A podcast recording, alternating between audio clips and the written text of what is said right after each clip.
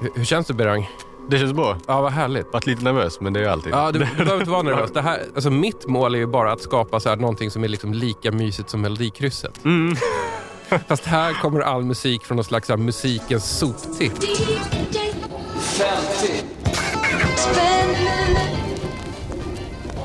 DJ. Utgrävningen av det globala slaskvinylmassivet fortsätter. I alla fall här, i DJ 50 spänn. Utkablat från en bunker på atombombsäkert djup i Stockholms underjord. Det är rätt så varmt och mysigt här nere eh, i underjorden, eller hur Berang? Mm. Hemma, hemmakänsla. Vi får se hur det här går. Har du någon aning om vid vilken temperatur som vinylen börjar liksom så bukta sig och liksom så här wobbla? Skulle tippa på runt 150-200 grader. Tror du det? För att jag Ja. har flera gånger haft grejer som har legat på fönsterblecket Ja. du vet, inomhus och så har det varit starkt solsken. Ja. Sen när man försöker spela den så är den som en anemon. Liksom. Ah, okay, alltså det måste vara mycket lägre. ja. Det... Jag heter Tommy Jönsson och min gäst här heter Berang Mohammadi. Välkommen till bunkern. Tack så mycket. Du har konkat hit skivor från Berlin och så har de liksom på något sätt mellanlandat i Piteå har jag förstått. Ja, precis. Det är väl lite mina två eh, pendelorter för tillfället. Är det för så? Tillfället, ja. För att det är en dialekt annars avslöjar dig som en Malmö-filur. Det stämmer, det stämmer. Som en kompis kallar mig. Jag är en Swede, Swede-trotter för tillfället. Ja. ja, lite kontext om dig Berang. Eh, Det jag vet om dig är att du är DJ, du är klubbarrangör. Man kan nog säga att du är skivbolagsboss också för jag har i alla fall Mm. hittat ett släpp på Discogs som du har gjort. Finns det något mer? Det stämmer. Vi driver Spazio som både en klubb och ett skivbolag. Ja. Eh, Så ja, vi släpper kontinuerligt där. Lite, lite allehanda musik. Och vad är liksom inriktningen här? För Spazio har jag hört talas om, aldrig varit där. Jag är stockholmare så jag är inte alltid i Malmö, tyvärr. Men vad kör ni för någon slags stuk? Det är rätt inom... Klubbarna är rätt brett eller så här, rätt eklektiska inom elektronisk musik. Det är allt från eh, disco till techno och house. Och skivsläppen är väl... Eh, vi har även en idé att det ska vara bra musik så det är väl lite ännu bredare. Eh, vi har- Bra musik, världens bredaste genre. Precis, precis. Det, det, så, så slipper man eh, jag vet inte, ta höjd för att man inte håller sig inom någon genreform. Det är väl lite en ursäkt för det. Men du själv då? Vilken är liksom din så här hemmagenre i musik? Vilken är det som du oftast liksom alltid kommer tillbaks till och landar i? Det har varit väldigt skiftande från period till period. De senaste sju åren har det varit elektronisk musik på ett eller annat sätt. Ja. Men tidigare har det varit mycket, mycket gammal stoner. Jag gillar, ja, jag är stort Kaius fanboy. Ah, okej. Nu den absolut senaste perioden har det varit mycket Scott Walker. Så det har varit så här, gått lite till höger och vänster Ja. där. Och hur har du det med skivgrävandet då? Det har väl följt samma spår lite grann. lite grann.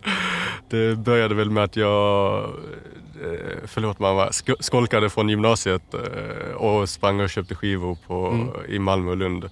Och då var det mest punk och hardcore och rockskivor. Och sen så dog det av lite grann och sen så blossade upp igen när jag började intressera mig för elektronisk musik. Jag har i alla fall eh, lagt ut uppdraget på dig att köpa fem skivor för max 50 kronor. Nu har det varit lite växelkurser och så inblandat. Precis. Har, har du lyckats hålla dig under 50-lappen? Ja, jag tror faktiskt jag hamnar runt eh, 40 kronor. Wow. Om, jag, Ja. eh, om, om, eh, om Forex inte ljuger. Men det, men det var en liten utmaning. Det var det absolut. Vi klipper till biljakten va? Vi kör på första nu. Absolut.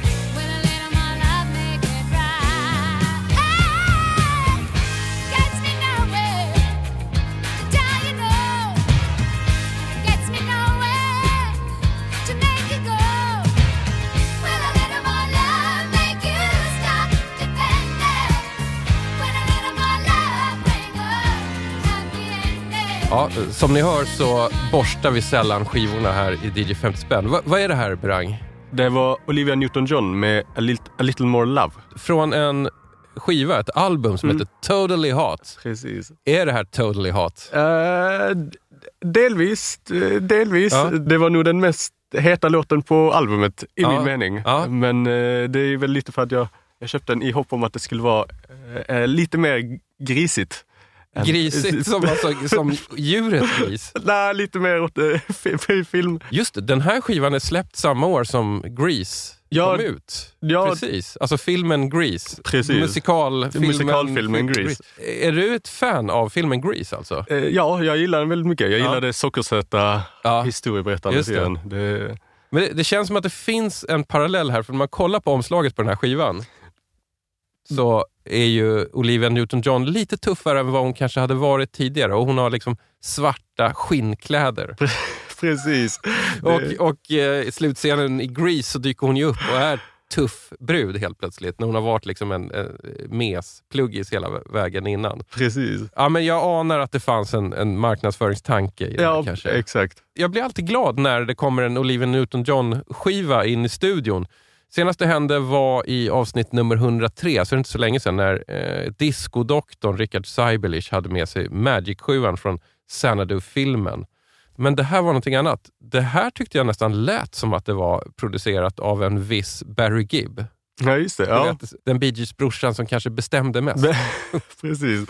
Och sen kollade jag på skivomslaget och det är inte någon Barry Gibb med.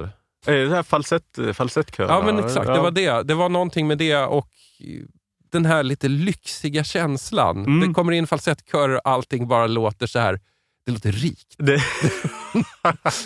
Det, det är Barry Gibb-känslan för mig. Eh, Såna här gamla mainstream pop-skivor, storsäljare, så här. hur ofta letar du igenom den här typen av musik när du är ute och gräver? Det är inte jätteofta, Nej. det ska jag väl säga. Men eh, det är då och då när jag får ett visst infall och hamnar i så här 60-70-tals Mm. pop och bara så här, nej, nu, jag måste bara Ja. ha feel good känslor i Ja, musiken. Jag hade någon period för några år sedan när jag lyssnade på gammal svensk pop med var Doris Svensson och lite Lena Andersson och så här. Det, det är ju väldigt fint. Ja, och det är, så här, det är bara en väldigt rå och rak känsla från Mm. musiken. Jag måste bara fråga, när du är DJ och du nämnde tidigare på liksom klubbar som kanske har en liksom eklektisk profil men inom elektronisk musik fortfarande. Mm. Hur mycket brukar du gilla att tänja på det genom att slänga in någonting som verkligen inte kommer från så här elektroniskt? Jag personligen uppskattar det, det är rätt mycket, det, det gör jag.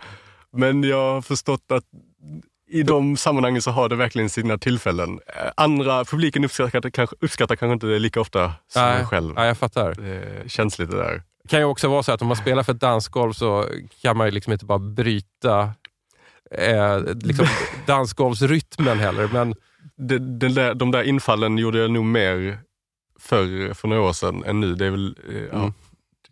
Jag vill tro att det är lite av en mognadskänsla när man säger okej nu, nu funkar det. Och nu, ah, okej. Snarare än att bara gå på in, ingivelsen. Nu vill jag lyssna på Doris Svensson, du som bara sett vårar, i det här tillfället och så Aha. slänger jag på den. ja, du menar att det är lite e- egoistiskt nästan? V- till stor del ja. Mm. Det, eh, och stor del av mitt DJande bygger på att nu vill jag höra på den här låten. Men att försöka tänja den känslan. Ja, jag fattar. Jag ska lägga till en grej här. Vi pratade om att det inte var Barry Gibb som har producerat det här. Mm. Det är istället en gubbe som heter John Farrar som ofta producerar just eh, Olivia Newton-John-plattor. Okej. Jag blev lite nyfiken så jag var tvungen att kolla upp hur det kommer sig att de blev liksom ett, så här, team. Och Då visade det sig att eh, John Farrar är egentligen en sån här gubbe som spelade i The Shadows, ett sånt här gitarrband. Okej. The Shadows spelade, var ofta kompan till Cliff Richard till exempel. Men han träffade Olivia när hon spelade in skivor i London i början på 70-talet och de hookade lite grann på något sätt. Så att Mm. alla de här Olivia Newton-John-skivorna från sent 70-tal, tidigt 80-tal, då är det alltid han som har proddat det. Okej. Så att de verkar ha varit oskiljbara fram till typ 89 eller någonting. Ja, för hon ger fortfarande ut skivor. Och... Ja, precis. Jag vet inte riktigt skicket på henne för hon har varit eh, Hon har varit eh, sjuk. Cancer tror jag. Mm. Minns inte helt. Det fanns också en ganska spännande och märklig historia om att hennes man Mm. bara försvann och sen dök upp någonstans i Mexiko med en ny kvinna. Det här finns återberättat i eh, avsnitt nummer 103 så man kan gå tillbaka där och få den här storyn. Den var väldigt, väldigt märklig. Okej, ja det låter väldigt konstigt.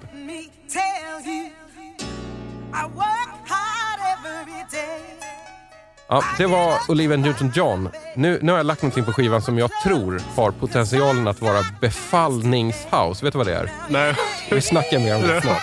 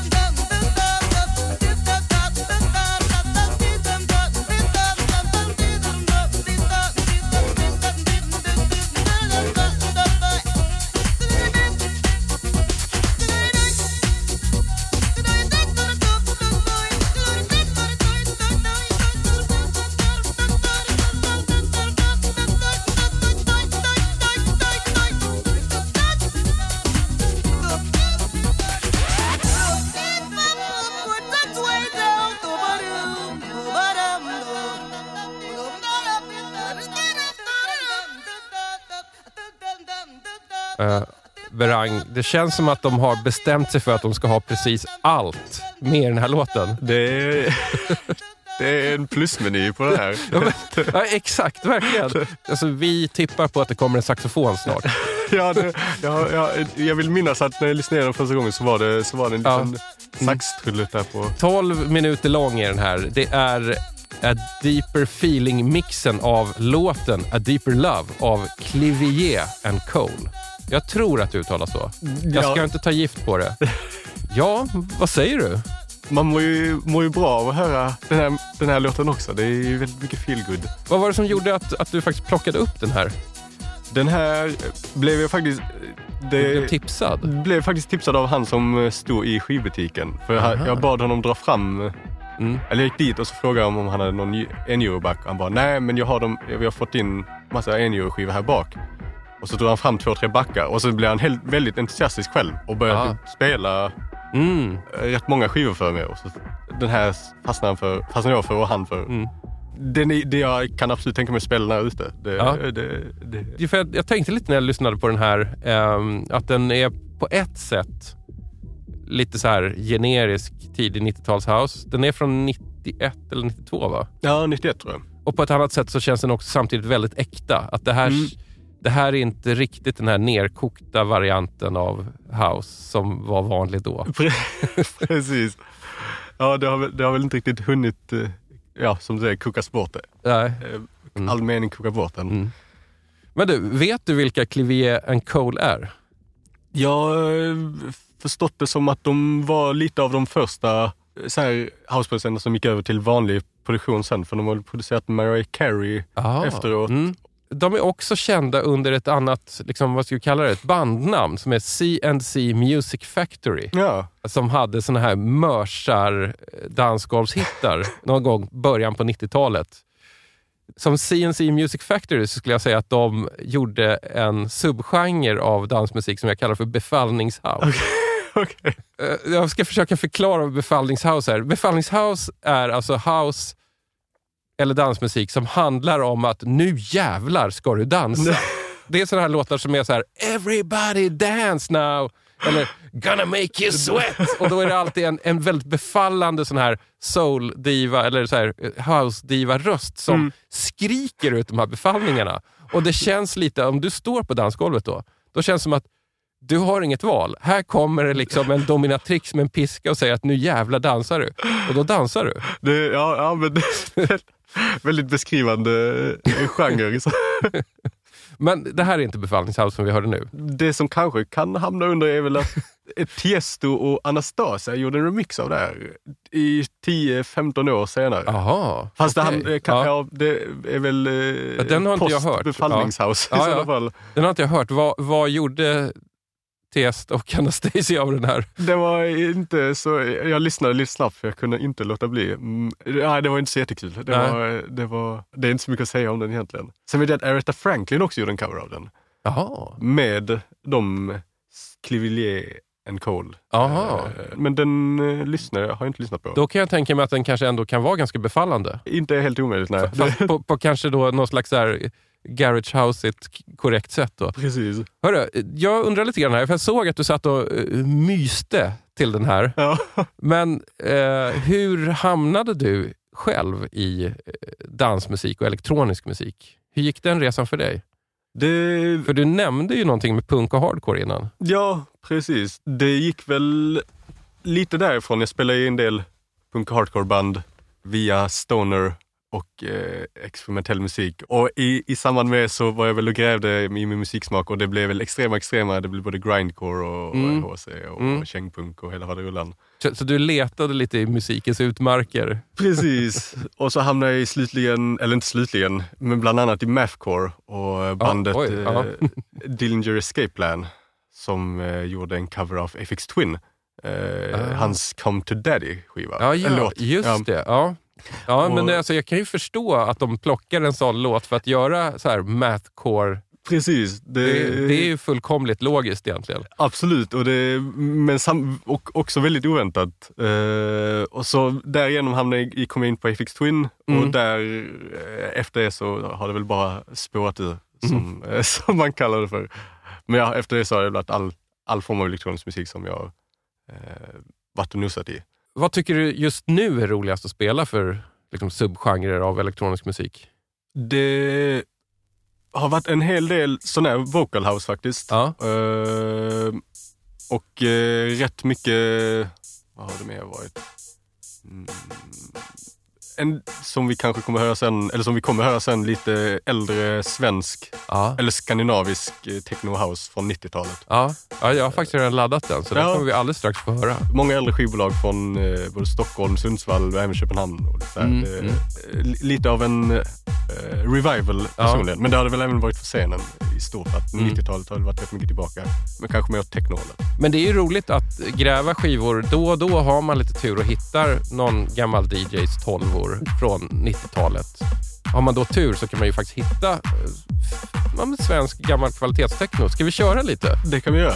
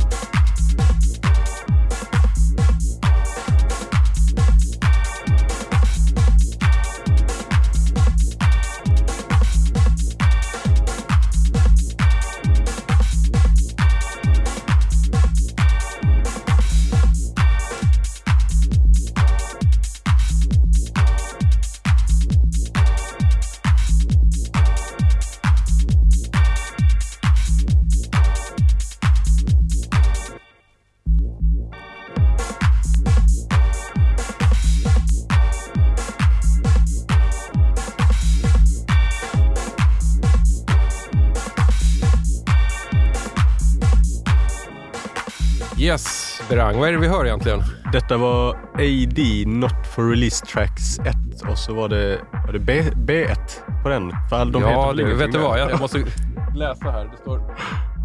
Jag läser här. Det står A1 A1. tror jag spelade faktiskt. Mm. Låtarna heter A1, A2, B1, B2. Det är väldigt technokorrekt Det, att inte ens ha fantasi nog att döpa låtarna. absolut, det, det ska vara så hemligt in i benmärgen. Är, Det- är du en sån? Är du en så här döpa låtar till A1 eller vill du ha ett namn på själva låten? Ja, jag är nog för pretto för att inte kunna namnge dem. Det, det, det, och det är gärna med ett pretentiöst namn också. säga. Ja, Som till exempel? Det, gör ont i själen. Ett till exempel. Okej, det här är en, en svensk technotolva. Eh, från, har vi kollat upp här, 1995. Mm. Släppt på Loop Records. Vem är AD? Eh, Alexi Delano. Som eh, sen han släppte den här har bara mörsat ut väldigt, väldigt mycket. Mm. Du, vem är Alexi Delano och varför blir eh, technotyper helt liksom så här varma i själen när de pratar om honom hela tiden? Ja, han är väl med bland de, jag vågar säga om det är första eller andra vågens technoproducenter från Sverige. Mm. Och väldigt eh, bunden med Jes- bland annat Jesper Dahlbäck, Kari Lekebusch och eh, Adam Beijer och Mm. hela det där gamla, ja det är väl första vågen av techno. får- Ja, det får man väl säga. ja. Och liksom de, de svenska technogudarna Precis. på något sätt. Och han har väl släppt på eh, oändligt många bolag och oändligt många släpp och har väl Mm. varit Mm. med och ja, som Vad tyckte du om den här då? Jag tycker om den väldigt mycket. Den är väldigt nedstrippad men väldigt, det är, så här, det är, det är alldeles lagom för ett dansgolv. Mm. Eh, och så har den en eh, liten hint till kommande dubstep-genren som... Det var någon slags lite baswobbling där Precis. som man hörde ibland. Ja, det var, det var lite elegant. Ja. Den var lite svårplacerad. Jag, Ja. skulle, jag skulle säga att det här är en skiva som, om man bara hör den, den skulle kunna varit gjord när som helst mellan 1988 och idag. Precis. Helt omöjligt att säga vad, för att det är så få delar i den. Mm. Den har ett väldigt liksom, klassiskt techno-sound som alltid har funnits och Mm. förmodligen alltid kommer att finnas. Det gör det väldigt tacksamt Ja. att vara technoproducent och köra minimalistiskt. Ja. Köper du mycket eh, begagnat så här, med dansmusik? Ja, till störst del har det väl varit begagnat det senaste halvåret. Det där Mm. pendlar också, att man går från att vara hetsa om de nya släppen Ja. i sex månader och sen så Mm. tröttna på att Mm. försöka vara med i täten Mm. Och bara gå bakåt istället. Hur ofta hittar du grejer som du faktiskt också faktiskt spelar ute då, när du gräver gammalt? Det sker väl relativt ofta, mycket med tack vare Discogs såklart. Ja. Eh, mycket grävande sker ju, sker Mm. där. Men även en, man har sina ställen där man vet att det dyker upp, eller där folk säljer av sina skivsamlingar, att man kan Ja, vara snabb och knycka Mm. dem. Du, du vet vilka ställen som så här, gamla DJs går till när de har dåligt med pengar? Ja, det, det, jag har lokaliserat några få, några få ställen där, jag, Ja. ja, där det sker rätt frekvent. Det här är släppt på skivbolaget Loop som är alltså en eh, techno-label från Stockholm. Eh, startades 93 av en människa som jag har tyvärr inte jättebra koll på som heter Joakim Hövel, men också en till, Vito Ingrosso. Precis. Och vet man inte vem Vito Ingrosso är så kan jag säga så här att en gång i tiden, för jättelänge sedan, så var Pernilla Wahlgren med i Melodifestivalen. Det här var 1985. Hon hade två dansare med sig. Vito var den ena och Emilio var den andra. Emilio blev väl Mr Wahlgren sen. De var väl gifta. Det, ja, Ganska länge, har jag för mig. ja. Eh, och han var väl liksom lite mer i den här kindpussiga delen av Stockholm tror jag. Medan Vito Ingrosso var rätt snabb in på techno och även ambient tror jag. Mm, Släppte ganska mycket grejer, producerade, hade studio etc. mm. Och nu lever väl hans, hans avkomma då. Det finns ju en Ingrosso i Swedish House Mafia-världen. Precis. Det är ju Vito Ingrossos son har jag förstått. Precis. Det finns liksom en sån dance music-dynasti i, eh, i Sverige som då är lite, lite grann hopkopplad med Skolin Wahlgren-klanen. Det, Jag vet inte vad jag vill säga med det här, men, men ja, Sverige är ett litet land, så det, sånt här kommer att hända. Ja, det här var skitroligt att höra. Jag, jag älskar när techno låter så här. Kanske säger det någonting om mig att jag är en, att jag är en sån här techno-konservativ människa. Du, du, du, för det finns, det stråket finns i techno, eller hur? Det finns det, det, finns det absolut. Det är lite som hiphop. Det, Det var bättre förr. Mentaliteten finns alltid där. det går verkligen sådana drag i, Ja. inom scenen, vågar man säga. Det, men samtidigt, det är väl, det, samtidigt finns det väl en väldig framåtanda, Ja. men som ofta är, eller som ibland är en, en, en återvinning av det gamla. Ja. Eh, Man kanske också kan säga så här att det finns något väldigt tidlöst i hela mentaliteten kring techno. mm. Vet du vad? Jag ska göra så här. Jag ska tillåta mig själv att låna någon annans pretentiösa säg här. Bossen till tyska technoskivbolaget Kompakt sa en gång. Techno är den sista musiken. det kan man fundera på vad det, Det kan man-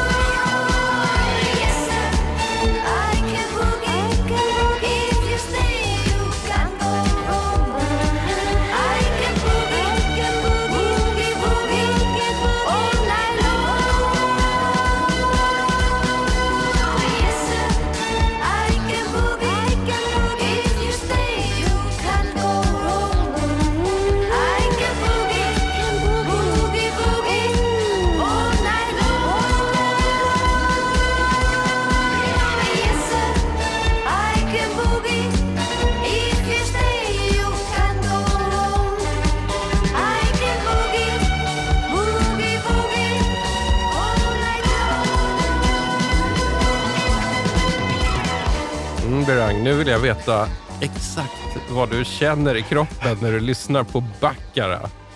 Yes sir, I can boogie.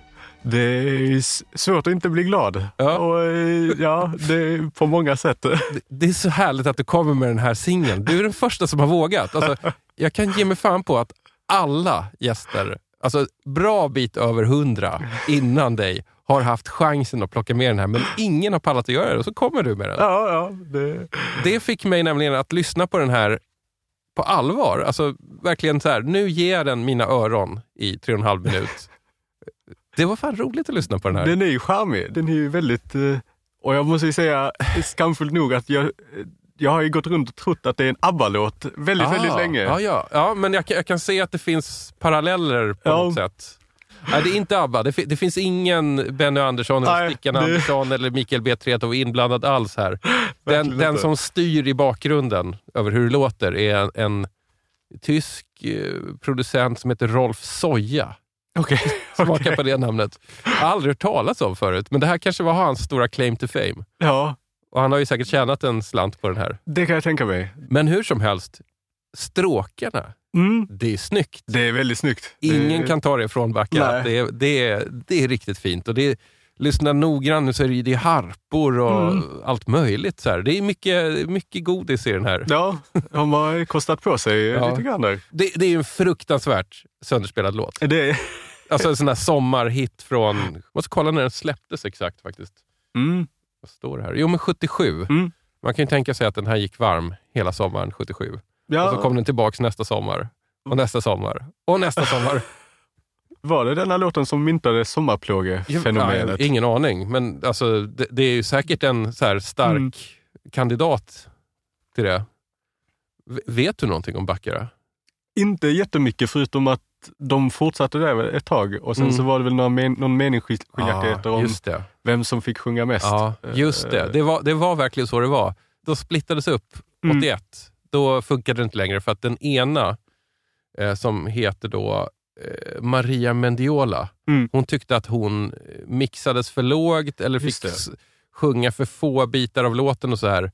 Eh, så att allt just han, hamnade då på Maite Matteos, som är då liksom lead-sångerskan.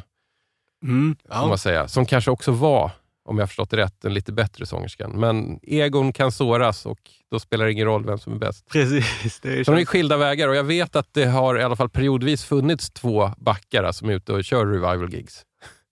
Ja, fair enough. Jag tror faktiskt, jag ska inte ta gift på det här, men jag tror att Maite Matteos i Baccara faktiskt bor i Stockholm, eller har bott i Stockholm. Okej. Hon gifte sig här i början på 80-talet med en svensk man. Jag vet att min exfru en gång med bestämdhet hävdar att hon satt i frisörstolen bredvid hon från Baccara. på någon hipp frisör. Någon gång på 90-talet var det här. All right. Ja.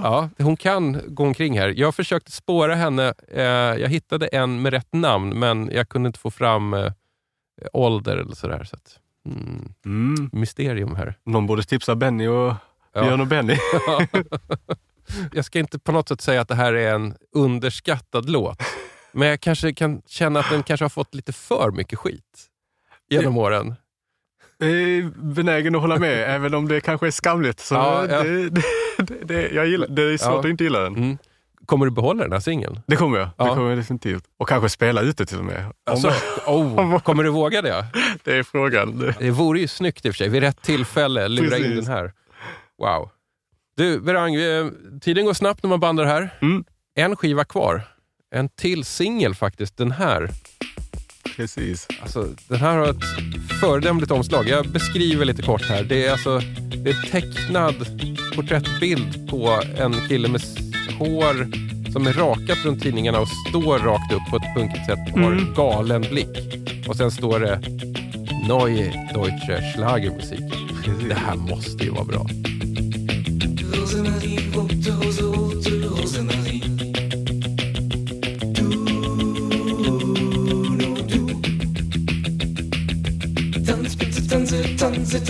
me, Marie.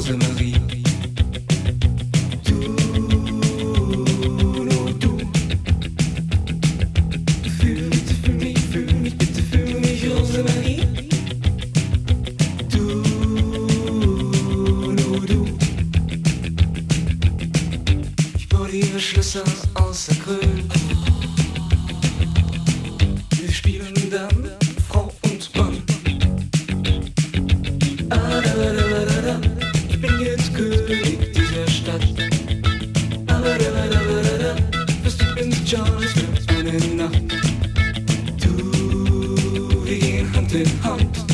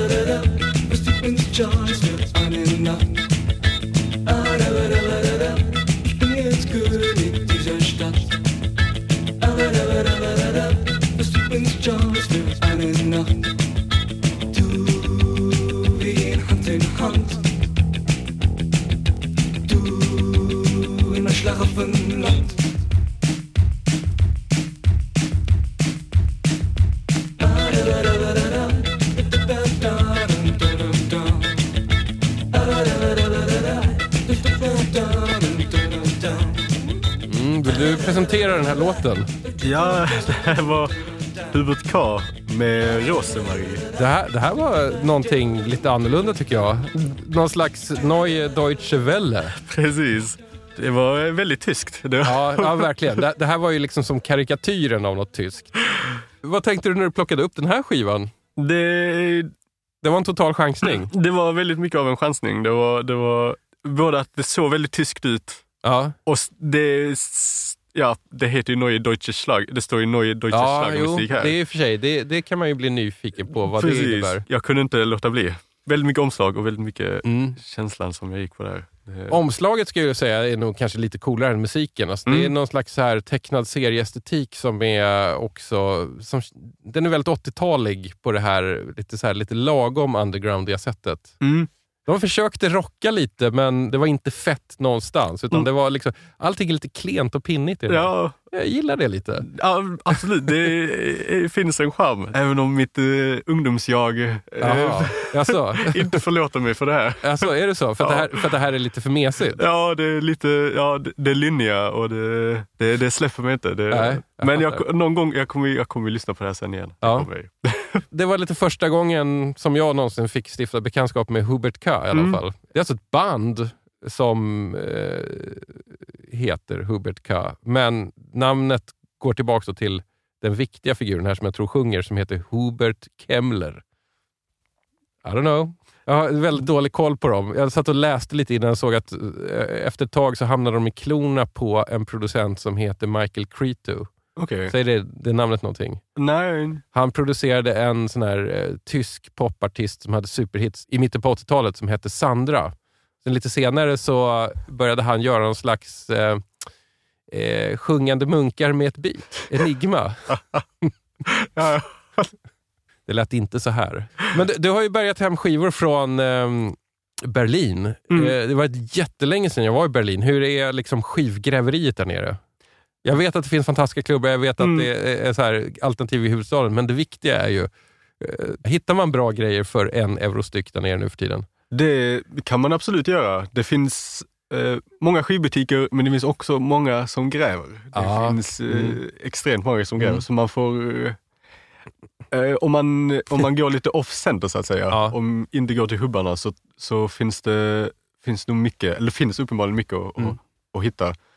Eh, sen kan man ju gå till, eh, eller techno, techno house-näste för Ja, grävande är ju Mm. Record Loft som Mm. bara har så här mängder med second hand-skivor. Mm. Men där är det också många, många som letar. Många, Ja. eh, Vad har du för stil när du gräver och kommer in där och ser att det är många där? Är, är du en sån aggressiv människa som norpar grejer framför ögonen på folk eller är du en försynt grävare? Jag är nog rätt försynt. Jag, eh, om det är för mycket folk så går jag, nu, går jag, vänder jag nog i dörren. Okej. Det, ja, jag blir lätt stressad. Ja. Jag blir väldigt lätt stressad av, eh, av andra människor och deras grävande. Och, och så, så blir den helt pressad. Den här skivan är dyr. Gillar jag den här skivan? Och så vet jag till slut Mm. inte vad jag tycker om själv. Ja, det kan vara Eh, svårt. Det där är lite grann av utmaningen också. Mm. Att man- måste ha rätt balans av att så här, totala chansningar och att tänka lite vilka man ska ta, ta hem. Precis.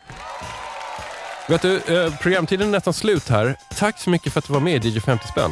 Tack så mycket. Det här var en härlig liten skivbukett.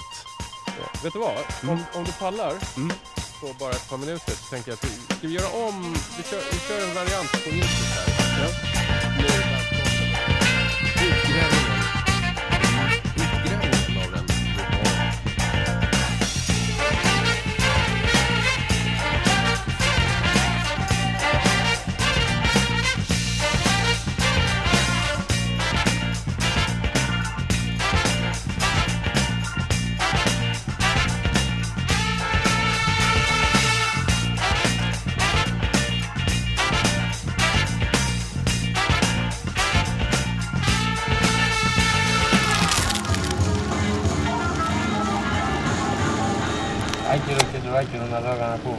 I'm fine. How are you? I miss you. Uh, I miss you and our baby Ren.